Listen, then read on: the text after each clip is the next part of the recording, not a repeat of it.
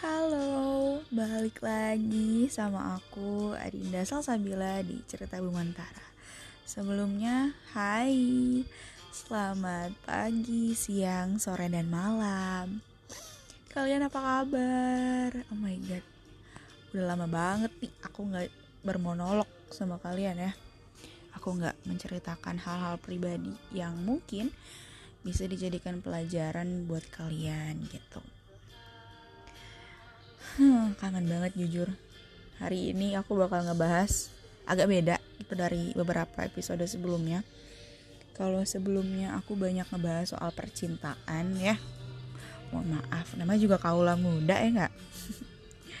Hari ini aku bakal ngebahas soal kesehatan mental eh.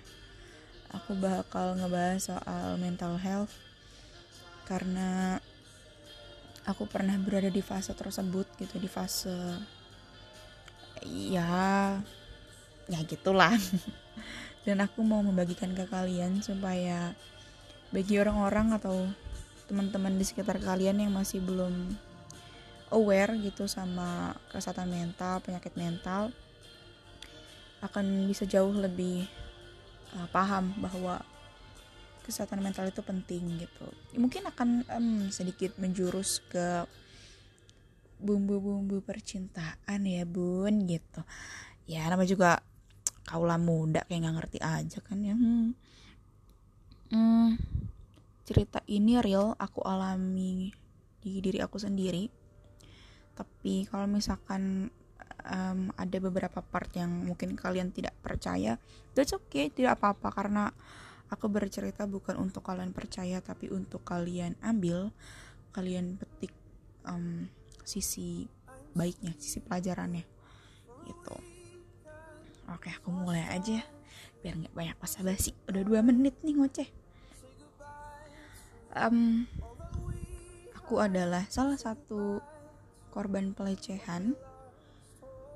Aku pernah dilecehkan oleh guru teman dan orang asing pertama kali aku sadar aku dilecehkan itu sebenarnya lama banget um, SD SD kelas 2 mungkin.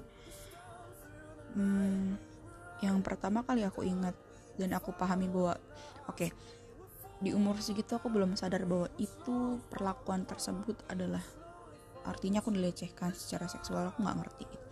Aku baru ngerti setelah um, beranjak SD kelas 6 SMP gitu baru memahami bahwa oke okay, hal yang aku terima di masa lalu ternyata itu adalah perlakuan pelecehan yang seharusnya tidak pernah dilakukan gitu.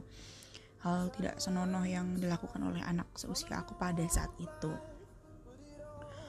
Uh, balik ke cerita dulu aku kelas 2 SD seingat aku aku lagi tidur siang tiba-tiba kakak aku bawa kakakku cowok uh, dia bawa teman-temannya. Teman-teman anak-anak RT gitu loh anak-anak lingkungan rumah. Masuk ke dalam rumah. Aku posisi lagi tidur. Terus kakak aku ninggalin mereka karena mau ke warung. Seingat aku uh, kakakku mau ke warung gitu. Aku kebangun karena dengar mereka berisik kayak nggak tahu lah ngomongin apa gitu. Mereka berisik aku kebangun terus kakakku ngomong tadi mau ke warung. Setengah sadar hmm, tiba-tiba temen kakakku ada yang um, meng, apa ya ngomong sesuatu hal yang yang nggak baik lah gitu. Mereka ngomong ya intinya ingin mm -mm, gitu rape gitulah intinya. Walaupun aku yakin pada saat umur itu juga mereka belum paham arti itu apa karena perbedaan jarak usianya waktu itu aku kelas 2 SD mungkin mereka kelas 5 kelas 6 gitu lah. Sama-sama masih kecil gitu. Itu dari situ mereka um, saling bergantian kayak mau narik aku terus berusaha untuk ya tidur di samping aku gitu. Hmm nggak lama kakakku balik terus mereka langsung pura-pura berdiri pada diem pada ya sibuk sendiri gitu kamu kamuflase lah.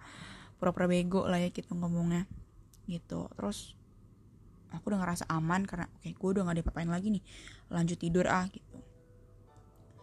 Akhirnya aku lanjut tidur lalu pas bangun aku keluar rumah untuk nyari kakak aku di mana ya gitu.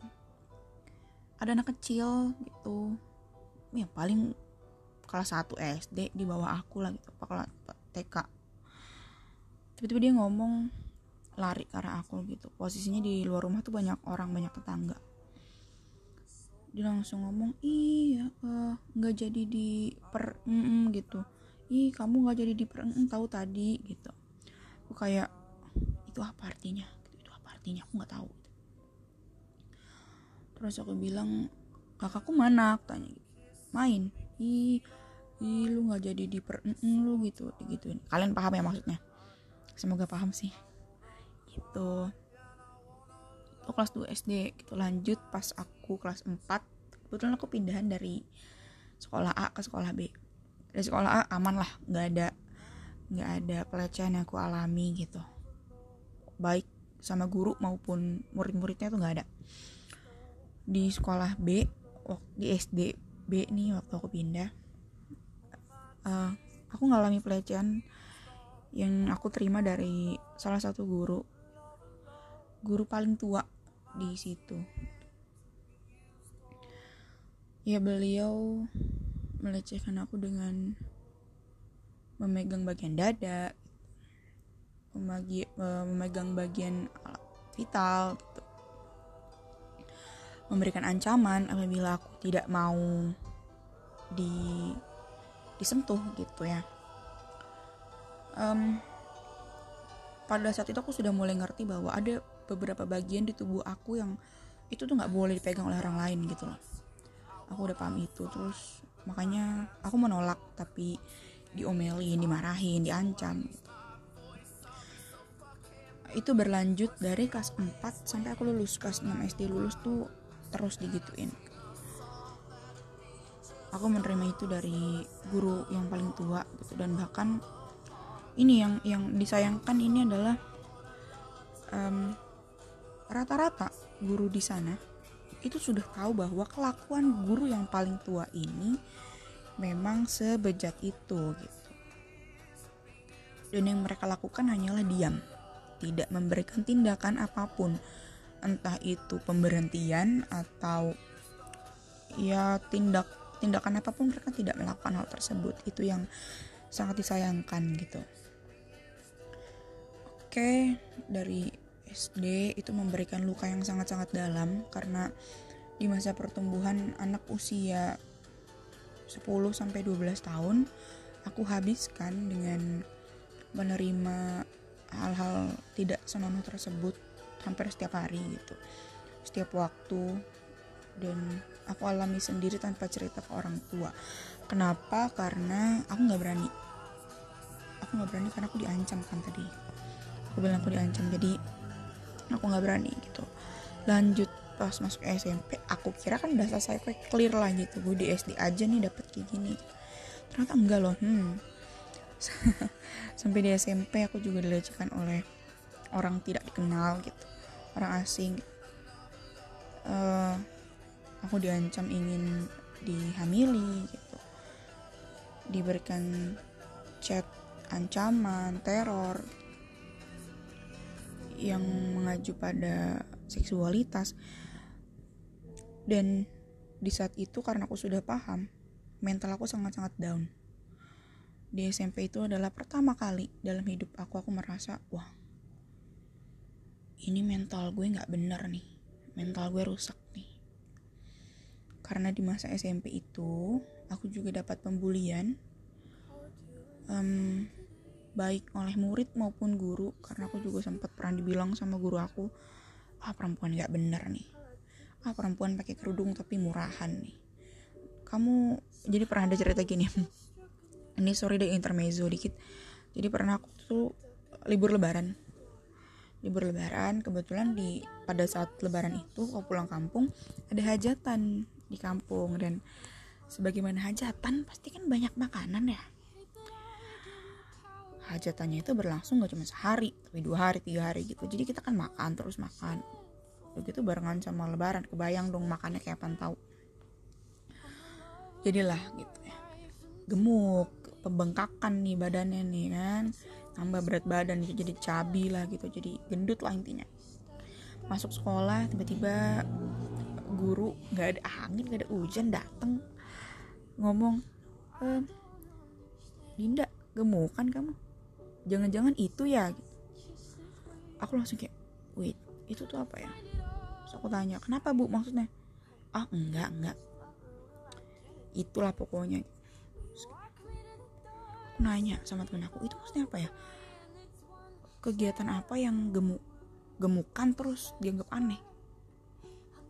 Temen aku ngomong hamil din oke. Okay. oke. Okay. um,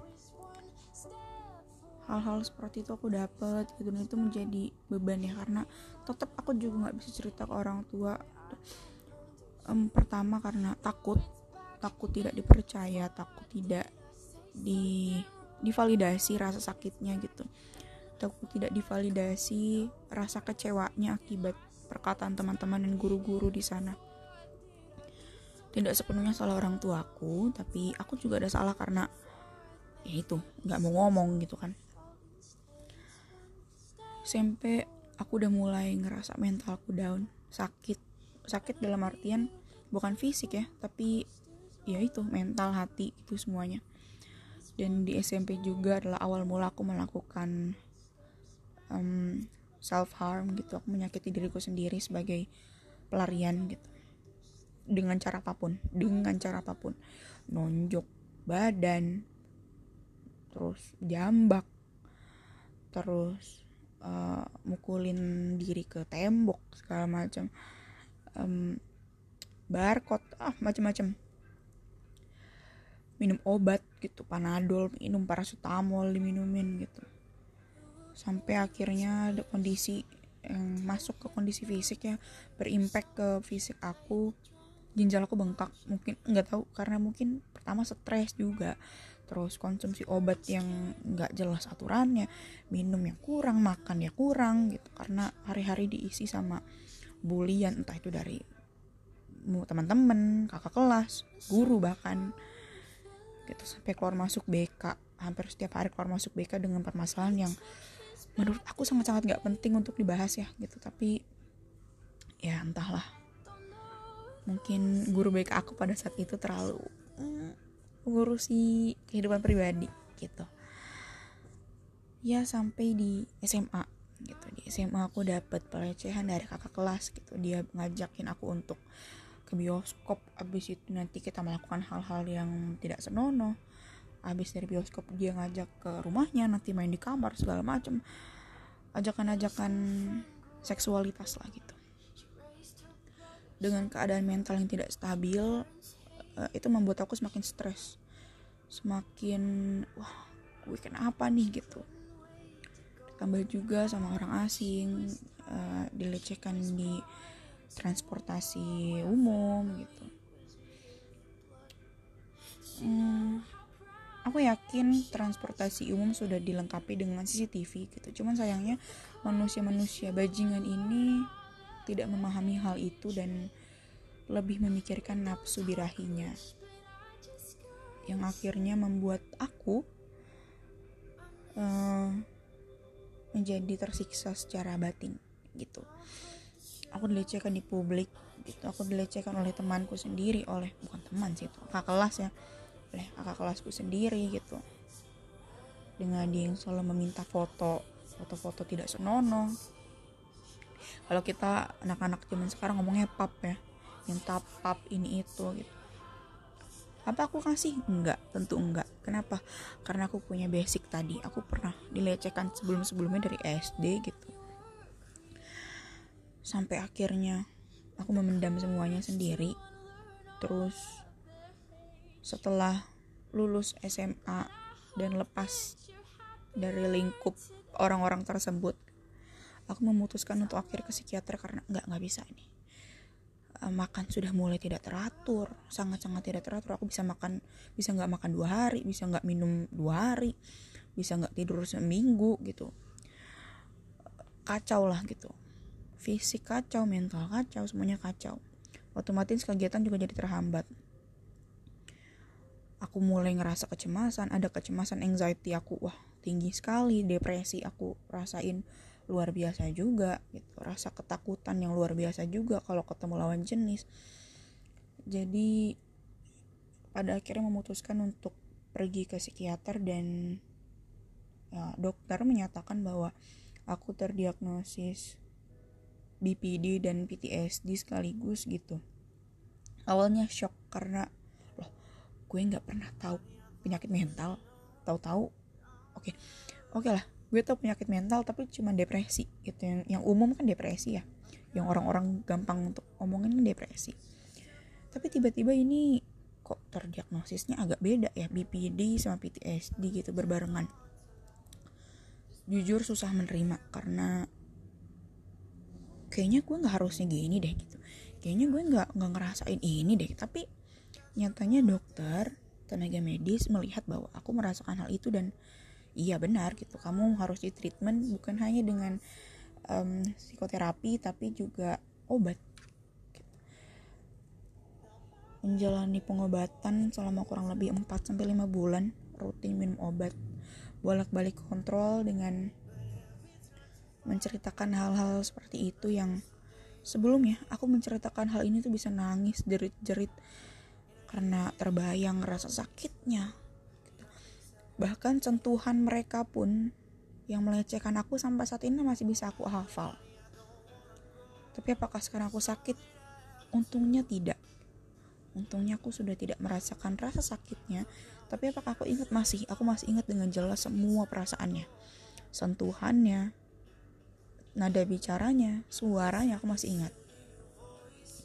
Dan ini yang perlu ditekankan bahwa uh, kami orang-orang yang punya mental health itu gangguan kesehatan mental ini kami perlu didengar. Gitu. Sayangnya pada saat uh, aku mengalami hal tersebut ya dari SD SMP SMA oke okay lah orang-orang sudah pada mulai memahami uh, tentang pentingnya kesehatan mental cuma pada saat aku SD SMP orang-orang tuh masih pada apa sih kesehatan mental apa sih depresi apa sih ini gitu bahkan mungkin uh, orang tua aku sendiri pun juga nggak tahu gitu kalau pada saat SD SMP aku di, sudah terdiagnosis BPD dan PTSD mungkin mereka juga nggak tahu apa itu gitu. Sekarang pun juga aku yakin mereka tahu tapi ya so-so lah gitu.